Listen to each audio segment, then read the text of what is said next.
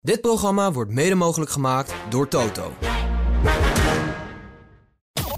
De constructie van Mercedes, dat, dat Toto Wolff een derde eigenaar is van het team en dus ook de man aan de muur.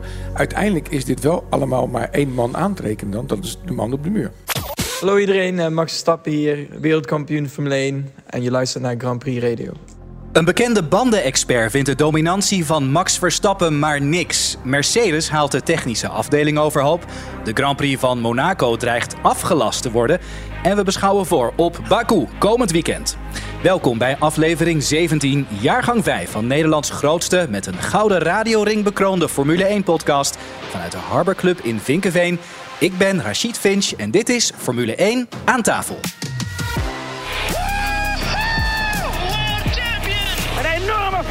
De pit. Gebeurt bij Verstappen. I'm hanging here like a cow. Get me out of this fire. This has been incredible. Points on debut. There's something loose between my legs. Simply lovely, mate. Yo hey, yo ho. I guess Verstappen won. Dit is de grootste Formule 1 podcast. Formule 1 aan tafel. Onze gasten deze week. Martin Utberg, coureur, zeer bekend in Duitsland met zijn programma Top Speed TV. En ook ambassadeur van de Mille Miglia in Italië. En groot F1-liefhebber. Martin, je hebt een Duits-Zweeds klinkende naam. Maar bent Nederlander. Wie is Martin Utberg? Ik ben gewoon in Rotterdam geboren. Ja. Wel Zweeds bloed. Aha. Eh, en ik ben sinds een jaar of tien ben ik eh, actief op de Duitse televisie. Daarvoor in Nederland. We hebben iets bij Veronica gedaan en veel op de regionale zenders voorheen. Kijk aan. Michel Blekemolen, voormalig F1-coureur en de man achter Race Planet. Wat vond jij in de Formule 1 van deze lange lentebreak? Ja, geen probleem, want eh, we mogen ook wel eens een keer wat anders doen. Hè? We kunnen een keer naar de Efteling tenminste. Dus, Ja, precies. Nee, voor mij maakt het niet zoveel uit. Maar wel blij dat komende week weer gaat beginnen. Ja, want dat is natuurlijk wel weer spannend. Daar zit ik er weer voor. Precies. En Ronald Molendijk, onze resident Ferrari-fan. Er zijn dus geruchten dat Charles Leclerc aan het kletsen is met Mercedes. Daar zou je wel zenuwachtig van worden. En praten kan geen kwaad. Oh, gewoon kletsen is oké. Precies. De oud-bandenexpert van Michael Schumacher en Ferrari, Kees van der Grint, vindt de dominantie van Max Verstappen niet goed voor de Formule 1. Hij vindt trouwens ook dat je dat Max niet kwalijk kunt nemen, maar de rest van de grid wel. Van der Grint liet vorig seizoen al optekenen dat hij hoopte dat Verstappen dit jaar meer weerstand zou krijgen. Nou, dat valt nu nog wel een beetje tegen. En de oud-Bridgestone-man ziet ook dat Verstappen een stuk beter is geworden.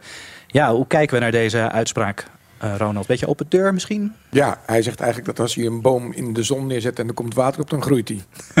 Maar er zal er wel meer achter zitten. Want het is ook een beetje een sneer, Martin, naar de, de andere teams. Hebben die het dan zo slecht gedaan? Ja, ik denk. eh, wat je niet moet vergeten is de dominantie bijvoorbeeld van Mercedes eh, al die jaren. Die heeft natuurlijk ook te maken gehad dat die, dat die auto's heel erg doorontwikkeld waren. Die waren eigenlijk aan het einde van de doorontwikkeling. Er kwamen op een gegeven moment die nieuwe auto's. Dan moest iedereen weer opnieuw beginnen. Mercedes die pakt, eh, pakt nu zeg maar de verkeerde afslag. En ehm, dat verschil met Red Bull en de anderen. Ik denk dat, eh, eh, ook denk, denk ik dank aan Adrian Newey, eh, zat Red Bull vrij snel goed. Ja. En die anderen zijn, ik heb altijd het gevoel dat ze nog aan het zoeken zijn. Hè, bij Ferrari zijn ze ook aan het zoeken, bij Mercedes zijn ze ook aan het zoeken. Zeker. En ik denk over, eh, maar je krijgt in 25, 26 krijg je natuurlijk weer hetzelfde. Want dan gaat het weer veranderen en dan gaat de kaarten weer opnieuw geschud worden.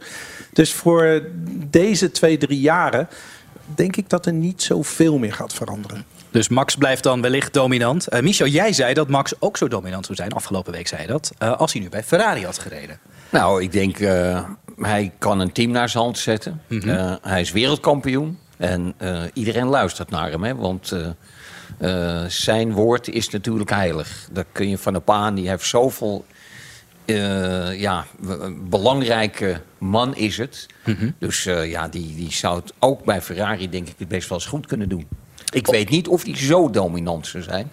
Maar ik denk dat hij echt races gaat winnen. Ja, want Ro- Ronald Martin noemde al Adrian Newey. Ehm, hij is eigenlijk de schuldige dat het niet zo spannend is dit jaar, of niet? Ehm, nou ja, dat zou, dan maak je het wel heel klein. Want inmiddels weten we dat er wel 800 of 1000 mensen bezig zijn met twee van die auto's. Maar volgens mij is hij wel, en nogmaals, ik heb het vaker gezegd hier, lees dat boek van hem. en Hoe je een raceauto moet bouwen. Ja. Dan kan je gewoon zien hoe, hoe hij daar in deze wedstrijd zit. En tegelijkertijd moet je ook dan het hele team de credits geven dat ze dat ook volgen. volgen. Dat ze ook gewoon zeggen, nee, als jij zegt dat we hier linksaf moeten gaan, dan, dan gaan we hier linksaf. En zo'n team, ja, ik vind het juist heel interessant dat er zo'n dominantie ontstaat. Omdat ik dan denk, ja, dat team heeft het beste dat boek gelezen. Die weten schijnbaar hoe je dat het aller, allerbeste moet doen. En ik wil ook aangeven, je kan volgens mij Max Verstappen ook niet tekort doen. En hoe hij met die banden omgaat. En als je dat gewoon ziet, dan denk ik, ja, het- zo knap, zo knap. Martin, waar kijk jij naar tijdens een race? Volg je dan die dominantie van Verstappen of kijk je dan maar naar de andere gevechten ondertussen? Eh, beide. Eh, als Nederlander ben ik natuurlijk heel erg blij dat eh, Max dat doet. Maar ik ben niet een, een, een fan van Max. En ik denk dat alle die hier aan tafel zitten kijken sowieso een beetje anders als de gemiddelde fan. We kijken Ja. ook wat meer technisch. Een, een gemiddelde fan kijkt heel anders. Die zit misschien wel te wachten op die crash. Terwijl wij, van mensen die een beetje weten hoe je, hoe je moet racen, daar heel anders naar kijken. Dus Ja. ik heb me er wel eens op betrapt dat het zo goed ging met Max, dat ik dan inderdaad naar de onderste tien niet meer keek. Maar ja, dat zou je als kenner natuurlijk wel moeten blijven doen. Ja, je hebt een goede commentator nodig. Eh, hebben we wel bij Grand Prix Radio, gelukkig. Ehm, Michel, eh, wordt het nog spannend dit seizoen? Of, eh, Eh, ik vrees niet zo heel erg, maar we moeten eh, de Formule 1 in twee klassen verdelen. ja, Eh, en dat is de Red Bulls en de rest. Eh, je hebt een A-klassement en een B-klassement. Want dat is natuurlijk heel spannend, hè? laten we niet vergeten. het, het B-klassement. Ja, het B-klassement is zo close steeds. Ja. Ja, maar denk jij niet, Michel, dat, eh, dat, dat Mercedes toch wel wat dichterbij gaat komen? Ik heb de laatste ja, weken maar had ik ik zeg altijd, hè, ik, ik reed vroeger wel eens, eh, natuurlijk slecht vergelijkbaar, maar toch een beetje. Dan reed ik Formule Ford en dan won ik alles. En toen kreeg ik aanbiedingen van allerlei fabrikanten. En dan zat ik in al die auto's. En dan reed ik drie rondjes en denk ik, ja, deze gaat niet goed. En zo is het natuurlijk met Formule 1 ook. Er zit gewoon een minuscuul klein stukje tussen die auto's. En als dat niet goed, eh, goed ontworpen is, ja, dan kun je eh, van alles doen aan die auto's. Maar dan gaat het nog niet lukken. Dus ja, misschien 2026, nieuwe reglementen. Martin, jij bent eh, bekend in Duitsland en Oostenrijk op het gebied van autosport en F1. Ehm, waarom ben je niet hier bekend geworden? Waarom ben je dat in Duitsland en Oostenrijk gaan doen? Ik ben ooit, eh, dat was trouwens wel grappig, eh, met Korea-televisie begonnen tijdens de Dakar. En die heb ik illegaal gemaakt. En bij RTL die flipten ze helemaal. En dat was voor de regionale televisies. En dus dat waren er 23. Dus al met al met 24 uitzendingen ehm, per aflevering door de hele week. Ja, hadden we een partij kijkers. Maar in Groningen wisten ze bijvoorbeeld niet dat dat ook in Zeeland was en andersom. En ehm, dat programmaatje Topspeed wat wij, wat wij maakten... dat heeft zich ontwikkeld. Ik ben op een gegeven moment begonnen met zelf achter het stuur te gaan zitten. De, Ja. de presentator die alles doet. En dat heeft zich helemaal ontwikkeld. Maar ik kwam nooit verder dan die regionale zender. Vond ik ook niet erg. Maar mijn toenmalige eh, sponsor, Stedevart, die wilde, die wilde naar Duitsland. En toen heb ik gedacht, ja, dan moet ik daar ook wonen. Want je moet wel De je moet de taal leren. goed beheersen. En niet alleen dat, maar je moet heel snel kunnen zijn met, met, met eh, anticiperen en met, eh, met antwoorden. Ja. En eh 18 jaar geleden ben ik dan naar, naar Oostenrijk gaan, gaan, gaan verhuizen. Ik werkte toen ook al vrij veel voor Ferrari, Mhm. voor de Duitse importeur, om mensen daar achter het stuur een beetje te leren met hun auto's om te gaan. Dus dat kwam goed uit. En sinds 2015 zijn we, hebben we gezegd, nou dan gaan we ook een Duitsstalig programma. We hebben een hele leuke zender gevonden, Motorvision. Dat is zeg maar de grootste Duitse automotive zender. En daar worden we iedere week op uitgezonden. En dat, ja, dat is gaan groeien, gaan groeien, gaan groeien. Alleen, ik werd ouder. Ik werd zelf ook een oldtimer. En toen dacht ik, ja, in de moderne racerij heb ik niks te zoeken. Ik ben geen journalist.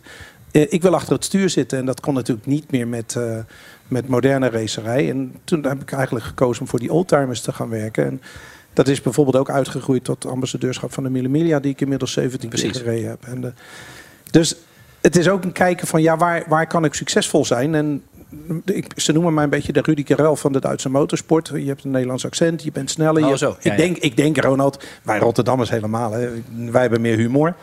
Die Duitsers weten niet hoe ze dat schrijven. En in Rotterdam hebben we weinig met Duitsers. Dus wat dat betreft begrijp ik nog niet helemaal. Ik heb me aangepast. Ja, maar precies. ik, ik had in Nederland had ik nooit zo ver kunnen komen. Nee, denk ik. precies. Ik. snap het. Martin, ehm, het grootste nieuws, misschien wel schandaal, kwam afgelopen week uit Duitsland. Hè, met een interview tussen aanhalingstekens met Michael Schumacher. Maar dat was dan door een AI-chatbot geschreven. Eh, hoe groot was dat schandaal daar? Ook mensen buiten de, die, die autosport niet volgen, wisten die ook dat dat gebeurd is? Ja, dus waren, er waren twee schandalen natuurlijk in de Duitse ogen. Dat was eh, eh, de commentaren op Schumacher junior. In, Mhm, het, in ja. het boek van uh, Günther Steiner. Ja, ja, ja. En, eh, en dit, dus dat was dubbelop. En eigenlijk waar allebei de, de familie eh, Schumacher mee te maken hebben. En kom daar niet aan, die zijn heilig in Duitsland. Het grappige is in Duitsland, iedereen weet schijnbaar hoe, hoe het met hem gaat. Mhm. Maar niemand heeft hem ooit gezien. Eh, en, en daar kom je niet aan, dus dat is heiligschennis. Ik weet niet hoe het verder gaat. Ik was toevallig de afgelopen week in Nederland, dus ik heb het niet helemaal kunnen volgen. Maar ik weet een beetje hoe ze daar denken. En eh, die familie kom je echt niet aan dan. En dat, dat bewijst zich nu, want ook al is het een, stond het erbij dat het een, eh, een fake interview was, Ja. eh, ze pikken het niet.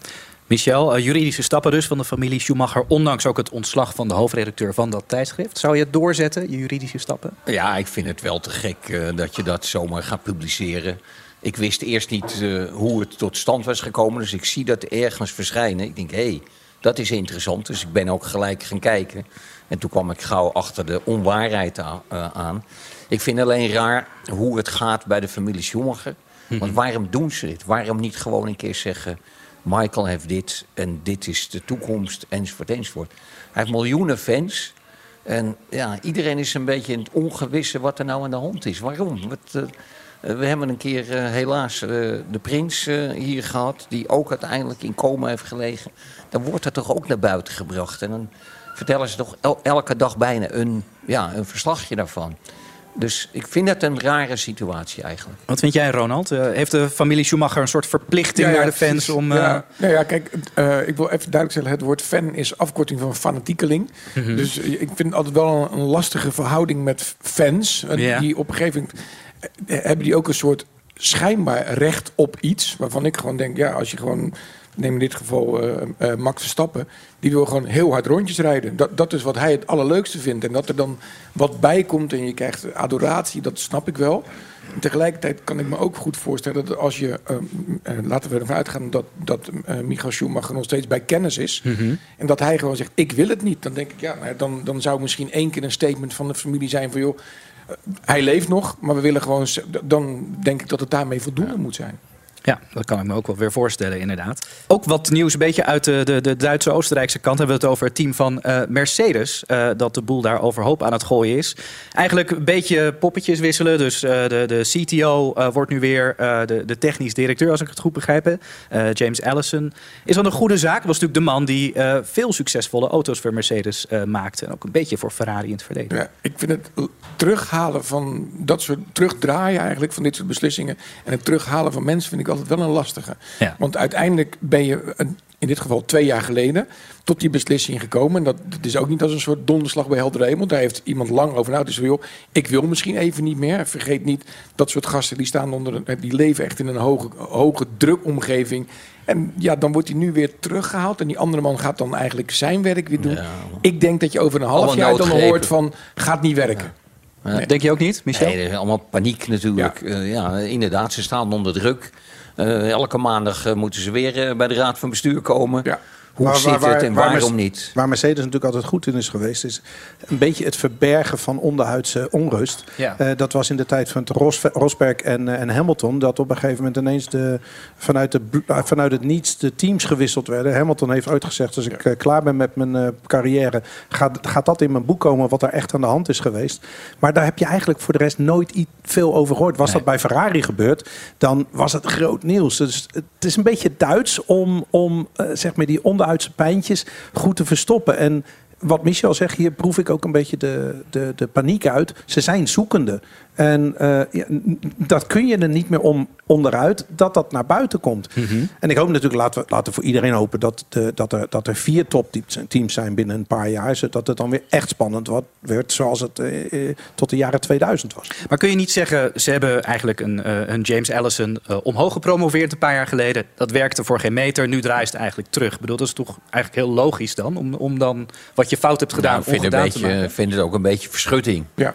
Je- En buiten dat wat ze dus eigenlijk verkeerd hebben gedaan, is dat er niet een goede opvolger klaar stond. Blijkbaar niet. Nee, en dan ja. wil ik nog een keer, en ik weet het, ik heb het al vaker aangegeven, maar de constructie van Mercedes, dat, dat Toto Wolff een derde eigenaar is van het team en dus ook de man aan de muur.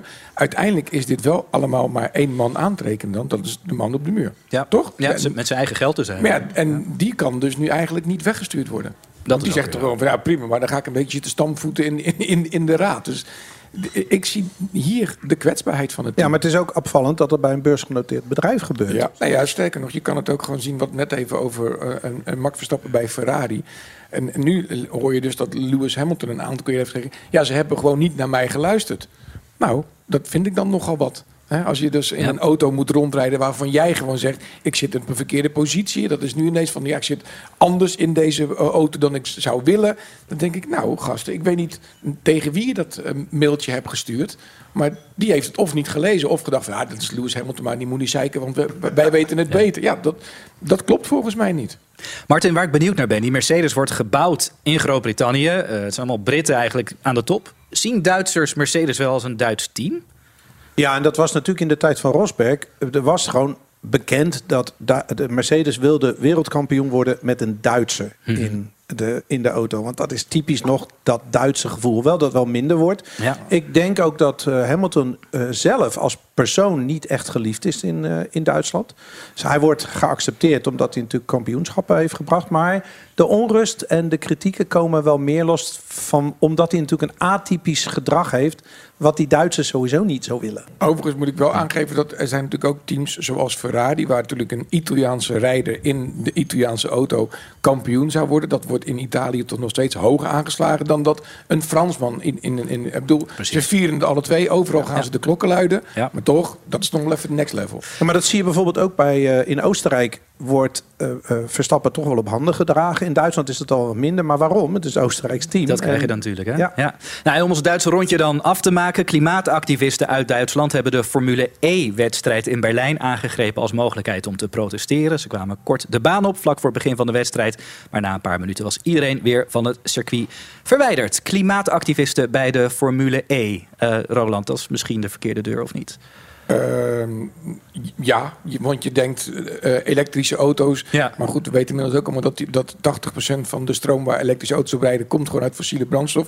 Dus dat protesteren snap ik wel. Ik had ze gewoon laten lopen. Bedoel, eh, rijdende chicanes, wandelende chicanes. dan. Precies, gezellig eromheen. Dan Ja, heb je gewoon een andere manier om de wedstrijd spannend te maken. Want voor de rest is het niet om aan te gluren, toch? Ja, Ik- dan ik, krijgen ze punten. lekker. Als ze nou, ik heb het nu gekeken een keertje. Er dacht was ooit ik- een spelletje van, toch? Nou, het was niet te doen. Nee. En, eh, Nee, het deze... is niet echt heel leuk. Nee, Dat, het- en, ook die emotie is ook totaal eruit. Een soort knopje om in te halen. En, En de het ziet er fan niet dingen en zo. Ja, ja. Nou, die Nee. Duitse eh, klimaatactivisten hebben dus blijkbaar Franse collega's die voor een beter pensioen strijden. En die willen misschien de Grand Prix van Monaco verstoren of eh, Ja. zelf niet door laten gaan, Michel. Dat Eh, is wel een heel gevaarlijk iets. Want we hebben allemaal gezien in de grote steden in eh, Frankrijk de laatste paar maanden wat er gebeurt. Hè. Dus ze zijn lui, denk ik, die Fransen. Want die eh, moeten geloof ik van 62 naar 64 eh, Zoiets, voor een AOW eh, komen.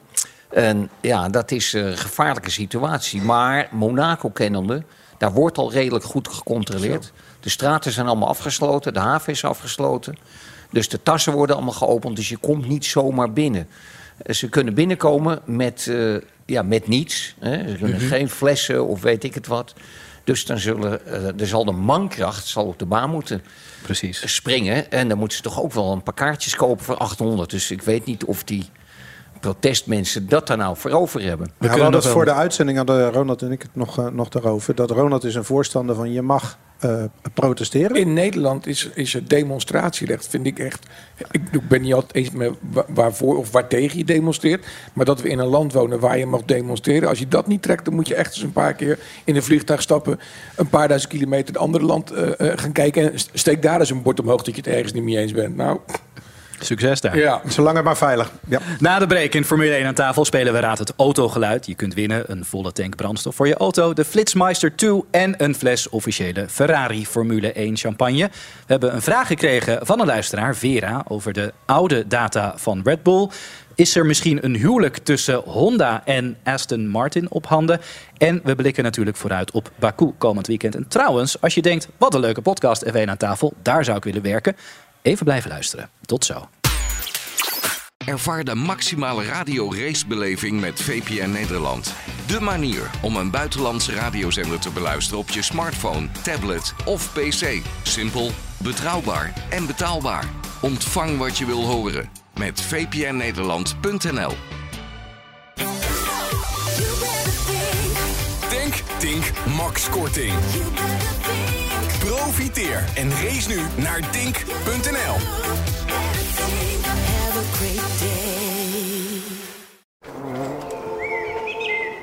Het mooiste aan jouw tuin is de natuur.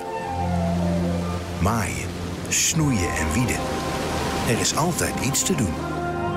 Maar weet, het meeste doet jouw tuin helemaal zelf. Ervaar hoe magisch jouw tuin kan zijn. Laat de natuur haar gang gaan. Hornbach, er is altijd iets te doen. Welkom terug bij de grootste Formule 1-podcast van Nederland. Dit is Formule 1 aan tafel. Uh, we hebben een vraag binnengekregen van een luisteraar, Vera van Buren, via het e-mailadres f1 aan Ik ga het gewoon voorlezen. Red Bull had vorig jaar, leek het, best wel wat last ervan dat er maar één vrije training was in de raceweekenden met sprintraces. In hoeverre hebben zij nu nog wat aan de data van vorig jaar, aangezien de auto's nu minder veranderd zijn ten opzichte van het jaar daarvoor? Ja, ja, oké. Dus omdat de auto's op elkaar lijken, kun je dan de data van vorig jaar nog gebruiken. Michel, heb je ja, die, eh, die zullen ze zeker eh, af en toe naslaan. Uh, maar hun, hun, actuele data, de eerste keer de baan oprijden, drie rondjes maken, dat is natuurlijk vaak doorslaggevend, het meeste.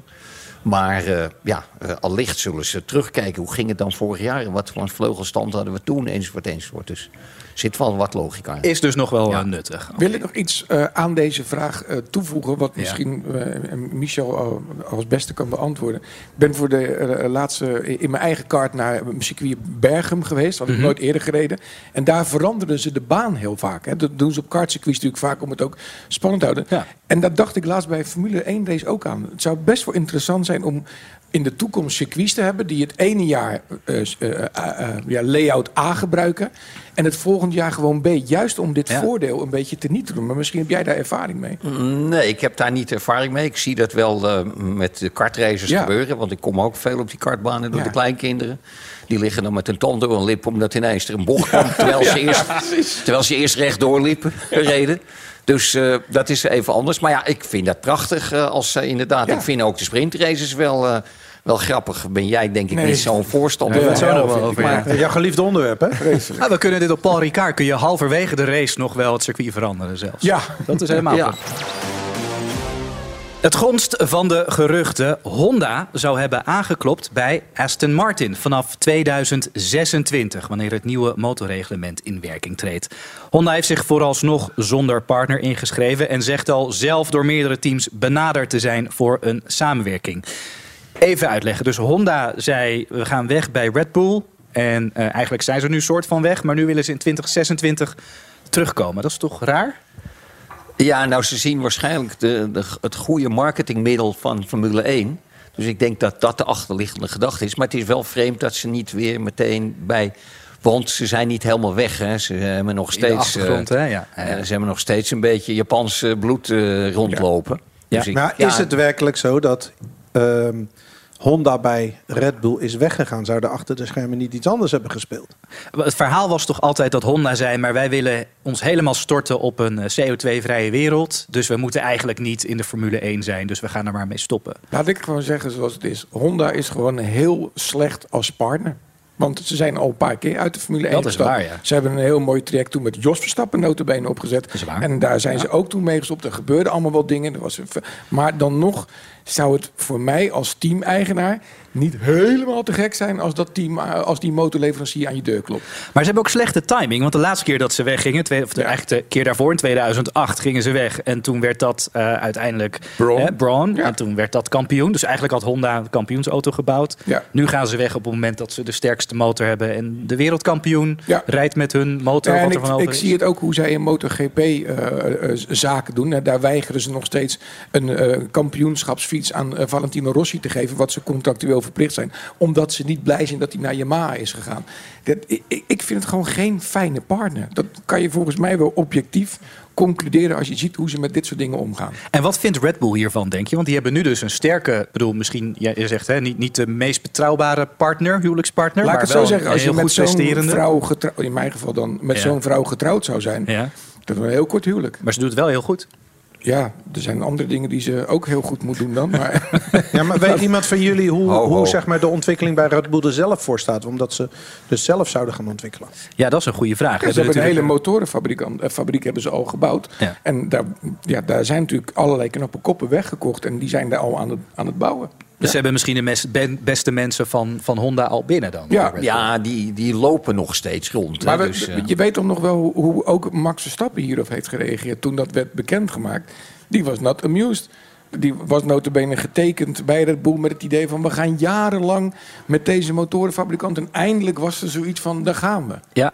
En toch, dan niet. toch En niet. dan vijf weken later, nou misschien komen we toch... Nou, de hel zeg. hè. Maar dan nog één ding over Honda. Als die dus met Aston Martin gaan, dan moet Fernando Alonso weer met een Honda-motor gaan rijden. De laatste keer was het niet zo'n succes. Ehm, hoe, hoe zou hij zich daarbij voelen? Ik denk dat bij Fernando Alonso het spreekwoord... alles is te koop heel erg eh, van toepassing is. Toch wel, ja, Ja. precies. en we weten... Oh, sorry, dat moet je nog even zeggen. En we weten niet hoe lang Alonso blijft rijden. Of hij tot 26 eh Oh, daarna dat is weer waar. doorgaat. Net op tijd klaar is. Ja. Dat zou kunnen. We gaan eh, Raad het Autogeluid spelen. Als je wint mag je op onze kosten je auto vol tanken. En we doen er ook nog een Flitsmeister 2 bovenop ter waarde van 80 euro. En een fles Ferrari Trento Doc. Allemaal dus te winnen in Raad het Autogeluid. Mario de Pizzaman staat in Druten bij autobedrijf Paul van Bergen. En praat met verkoper Jan Knevel over hele grote wielen. Hoeveel inch zijn die banden? Ja, heel groot. Het is gewoon echt een, eh, een huisje op wielen, Mario. Ja, hij is ruim bemeten. Toch? Hoeveel mensen kunnen hierin? Eh, hier kunnen er vijf in. Officieel. Er passen er meer in uiteraard, hè? Ja, mooie stoelen. Ja, vol dubbel eh tweekleurige leder erin. Ja, je voelt je gewoon eh, ja, helemaal thuiskomen deze voituren. Hoe heet dit eh, houten dashboard? Eh dat heet, eh, ja, dat is een goeie eigenlijk. Een houten look dashboard. Hout, is e- echt hout, hè? Benz, Oh, echt hout? Echt absoluut. Geen, geen vinier, geen rommel, echt hout Mercedes. Ik ben een leek.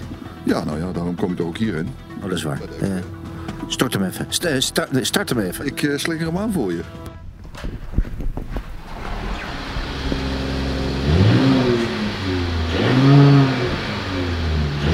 Ja, ik moet het toch zeggen. Ik krijg hier ook niet echt een hele Nee, het zijn warm gevoel van. geen klapmotoren meer. Dat is een eh, 3 liter 6 cilinder. Eh, genoeg pk's. Maar ja, het zijn niet de klappen die wij gewend zijn, Mario. Zeker niet na vorige week, uiteraard. Waar vinden we deze auto? Deze vinden we op www.paulvanbergen.nl. Ja, daar vind je hem wel. Schijnt dat heel Nederland al die eh, slogan in zijn hoofd heeft zitten. Lekker, hè? Lekker. Ik werd van de week belde ik ook iemand en ja, die antwoordde gelijk... Hé, hey, daar vind je hem wel. Ja, dus eh, nee, hij slaat goed aan. Bedankt, Alex. Lekker. Tja, van welke auto was dit geluid? Als je het weet, mail dan naar f1 aan tafel. De winnaar van vorige week is Marco Harkema. En het geluid was dat van een Mercedes C180 in de kleur grijs. Veel rijplezier. Je mag de tank van je auto helemaal volgooien bij Tink. Je krijgt ook de Flitsmeister 2 ter waarde van 80 euro. Die voorkomt dat je te hard rijdt. Gaat het goed, Ronald? Ja, ik ben heel benieuwd naar een Mercedes C180 in de kleur rood. Ja, die zou ik ook eens een keer willen zien. dat- Dan moet je goed hoe klinkt dat dan? Ja. Of het dan anders, Anders. klinkt inderdaad. Ja, ja, ja. Oh, Marco, trouwens, je krijgt ook nog een fles eh, Ferrari Formule 1 Trento Doc. Dat is dezelfde fles die de coureurs ook op het podium krijgen. Dan horen we ineens van Nikita Mazepin. Weet je nog, de Russische oud-F1-coureur. Eh, die heeft een aanvraag ingediend bij het Canadese federale gerechtshof... om de sancties in te trekken die zijn opgelegd vanwege de oorlog in Oekraïne. Nikita Mazepin en zijn vader Dimitri behoorden tot de 14 mensen... die op dezelfde dag in mei vorig jaar door de Canadese regering werden bestraft. De vader van Nikita is oprichter van de Uralchem Groep. Is een van 's werelds grootste producenten en exporteurs van stikstof. Hè. En dat bedrijf had natuurlijk stickers op de Haas-auto. Ehm Mazepin kwam eh, begin 2021 bij Haas terecht. Maar een jaar later werd zijn contract beëindigd toen Rusland Oekraïne binnenviel. Ja, en nu? Wat, eh, wat gaat Mazepin daar proberen te behalen eigenlijk in Canada? Enig idee? Nou, ik denk dat dat een kansloos ding is. Want eh, Rusland valt iets binnen. En eh, wat wil je daar? Eh, Daar zijn logischerwijs zijn er natuurlijk sancties op eh, gekomen. Ja, eh, gaan we niet terugdraaien, denk ik. En als het hem wel lukt, denk je dat Mazepin nog terug kan komen in de Formule 1? Of zit niemand op hem te Nou wachten? ja, dat is natuurlijk moeilijk, want eh, die heeft een, toch een smetje. Ja. En eh, ik hoop dat hij niet voor die tijd al eh, enkele reis naar Siberië heeft gekregen met zijn vader. Eh, Maar Martin, als we nou puur even, misschien even de, de- zijn nationaliteit weghalen. Eh, Verdient iemand als Mazepin een stoeltje in de Formule 1? Ja, ik zeg altijd, want, want soms hoor je van mensen... ja, dit is helemaal niks. Laten we vooropstellen dat iedereen die in de Formule 1 rijdt... goed kan rijden. Mhm. Ook Mazepin, die, ehm, eh, die ze in Duitsland eh Mazepin eh genoemd Oh ja, hebben. natuurlijk. Ehm, maar ik denk dat er zoveel talent is. Ik denk ook dat het te maken heeft met hoeveel geld nemen ze mee.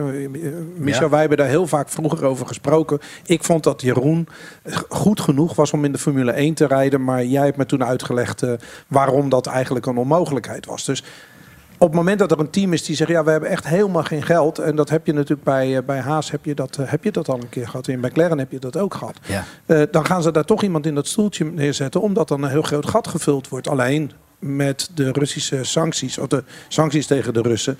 zou het heel goed kunnen zijn dat zijn vader sowieso niet meer kan investeren. Dus dan houdt het sowieso op. Ronald, wat is jouw favoriete Nikita Mazepin herinnering? dus. Volgende wedstrijd staat na een intermezzo van vier weken op het eh, programma. Eindelijk dan de Grand Prix van Azerbeidzjan. Eh, de vierde race van het seizoen ook. Eh, en die begint met het nieuwe sprintformat. Daar hebben we het zo meteen nog wel over. De baan is 6003 meter lang. telt 20 bochten. En de F1 komt daar sinds 2016. Veel chaos daar vaak. En Max Verstappen was vorig jaar de winnaar voor Sergio Perez en George Russell. Maar wie is dit weekend de grote favoriet, Michel? Nou, ik denk weer eh, ons eh, Verstappen natuurlijk. Hoeft het eigenlijk Dat, niet te eh, vragen, Nee, dat, dat kun je aan de grootste leek ook vragen. Dat is Maakt inderdaad niet zo. uit. Ja. Ehm Azerbeidzjan, leuk om naar te kijken, Martin? Als Nee. kijker? Nee? Nee. Je bent er geen fan van? Ik ben geen fan van zulke stratencircuits. Ik ben old school. Ik vind de layouts van de old school race eh, circuits vind ik, vind ik nog het mooiste. De kans op eh ongelofelijke schade en ook letsel bij, eh, zonder, zonder uitloop is voor, mij, eh, is voor mij gewoon niet leuk. Eh, ik ben een fan van de racen en geen fan van crashes. Juist. En de, de kans daarop is on- ontzettend groot. En dan kom je natuurlijk ook weer jouw geliefde on- on- onderwerp, Ronald. de, de, de sprintrace. Ja. Als fan vind ik sp- sprintraces leuk. Want het is natuurlijk wel leuk dat je... Opvallend dat bijvoorbeeld de- vooral de oudere coureurs... die zeggen allemaal van... Ja, het is dan racen. Of je nou een lange afstand rijdt of je rijdt een sprintrace. Stap in die auto en knallen. Ja, knallen met, ja. Dat zo denken die ouderen. Die jongere generatie, de sim-generatie, die denken allemaal wat anders. Mhm. Eh, als je puur technisch gaat kijken, heeft Ronald 100% gelijk. Eh, dat met de afstellingen van de auto's om dat uiterste uit te halen, is het onzin. Dan zijn het inderdaad twee verschillende dingen. Voor de fans is het denk ik heel vaak leuk om te doen. Want die kijken liever naar een sprintrace dan naar een kwalificatie. Alleen niet in Baku. Sowieso niet op een stratencircuit. Nergens. Jij bent niet van mening Nou, veranderd. Ronald, intussen, sinds vorige week. is het niet iets minder met je geworden Nee, nee, dan nee, nee, toen, toen er Nee. twee verschillende qualifiers kwamen? Kijk, er Nee. komt nu eh, voor de ene race eh, een, een qualifying en voor de ander. Ja. Eh, en dan vind ik het beter, want ik vond het gevaarlijk als je in de sprintrace ve- verkeerd ging, Ja. dat je dan je hele weekend kon weggooien. Ja, nee, ik ben, er gewoon geen fan van. En dat heeft niks met historisch besef te maken. Maar het zou hetzelfde zijn als dat ik aan je vraag: van, zullen we ons inschrijven voor de 2,5 uur van Le Mans?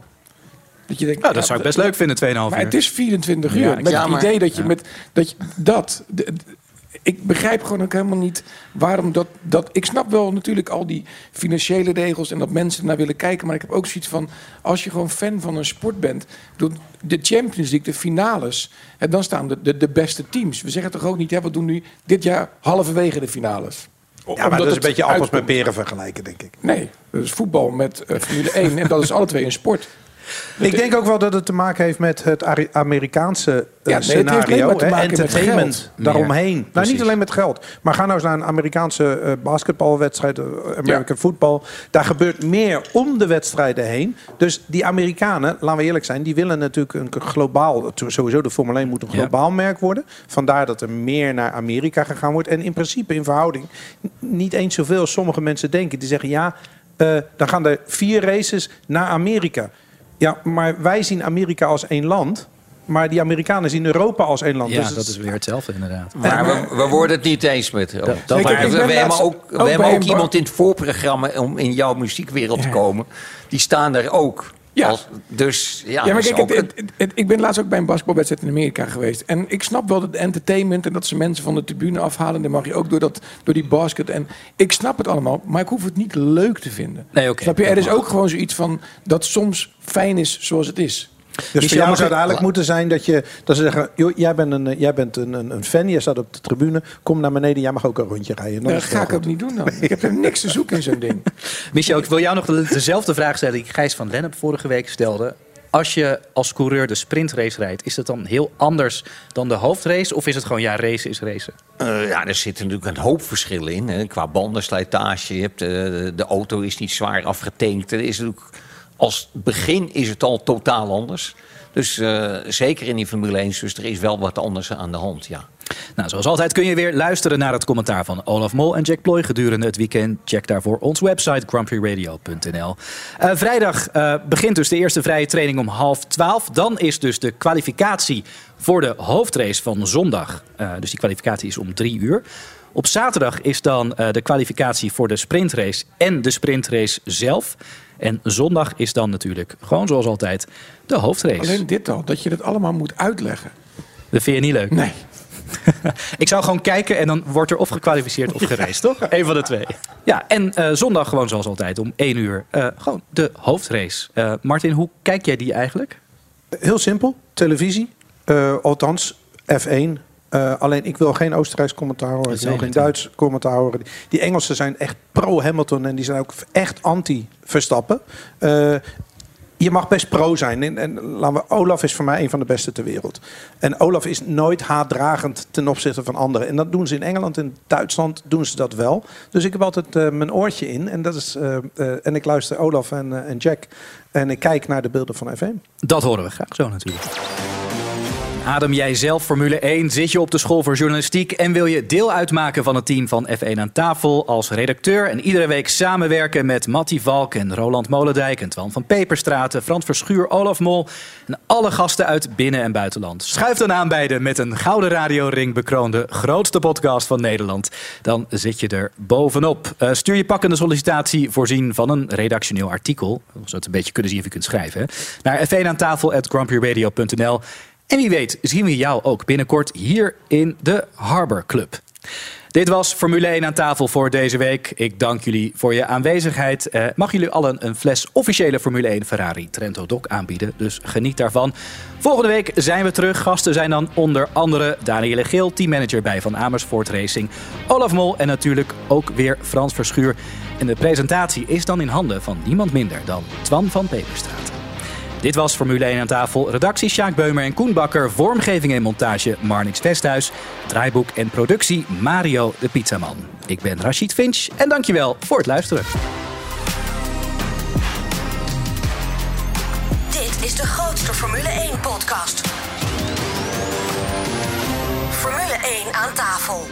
Het lijkt wel meer dan anders wat er op eh, tafel staat. Wat hebben we allemaal? We hebben extra goed ons best gedaan vandaag. We, hebben, we beginnen achteraan bij die eh, zakjes. Dat zijn kipgyoza's met wat sesamdressing en een eh, wasabi citrussaus.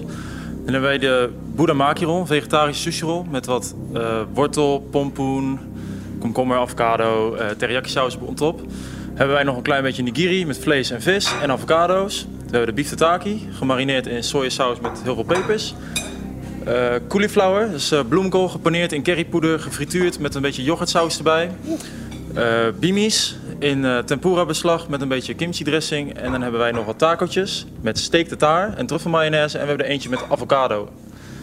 Wauw, dankjewel. Dat, dat wordt lekker. Maar het is natuurlijk meer omdat ik helemaal uit Oostenrijk hierheen ben gekomen. Dat vind ik wel, vind ik wel zo netjes. Dat denk Ja, ik niet. Inderdaad. Ehm, Ronald, wat Ja. was eigenlijk jouw eerste baantje? Ehm, op een bloemenveiling. Nee, sorry, op een eh, groenteveiling. Eh, van die voedselpakketjes maken voor de Albert Heijn. Want daarmee kon ik uh, plaatjes kopen. Ah, oké. Dus dat was omdat je DJ wilde zijn? Ja. Maar is het leuk werk? De. Nee, groenteveiling? vreselijk. Ik ben ook, ben ook ontslagen omdat ik uiteindelijk bij een functioneringsgesprek een hand rode pepers in, de, in het gezicht van de man die dat functioneringsgesprek met mij wilde houden. Uh, toen mocht ik niet meer terugkomen. is nooit meer gebeurd dat gesprek. Was nee, niet nodig. Ik eet nog wel veel groenten. Lekker. Ja. Let op. Alle gebruik van hetgeen in deze podcast F1 aan tafel wordt opgemerkt is ongeoorloofd. Zonder expliciete schriftelijke toestemming te zaken verkregen van Grand Prix Radio. Met inachtneming van een duidelijke, deugdelijke bronvermelding met link.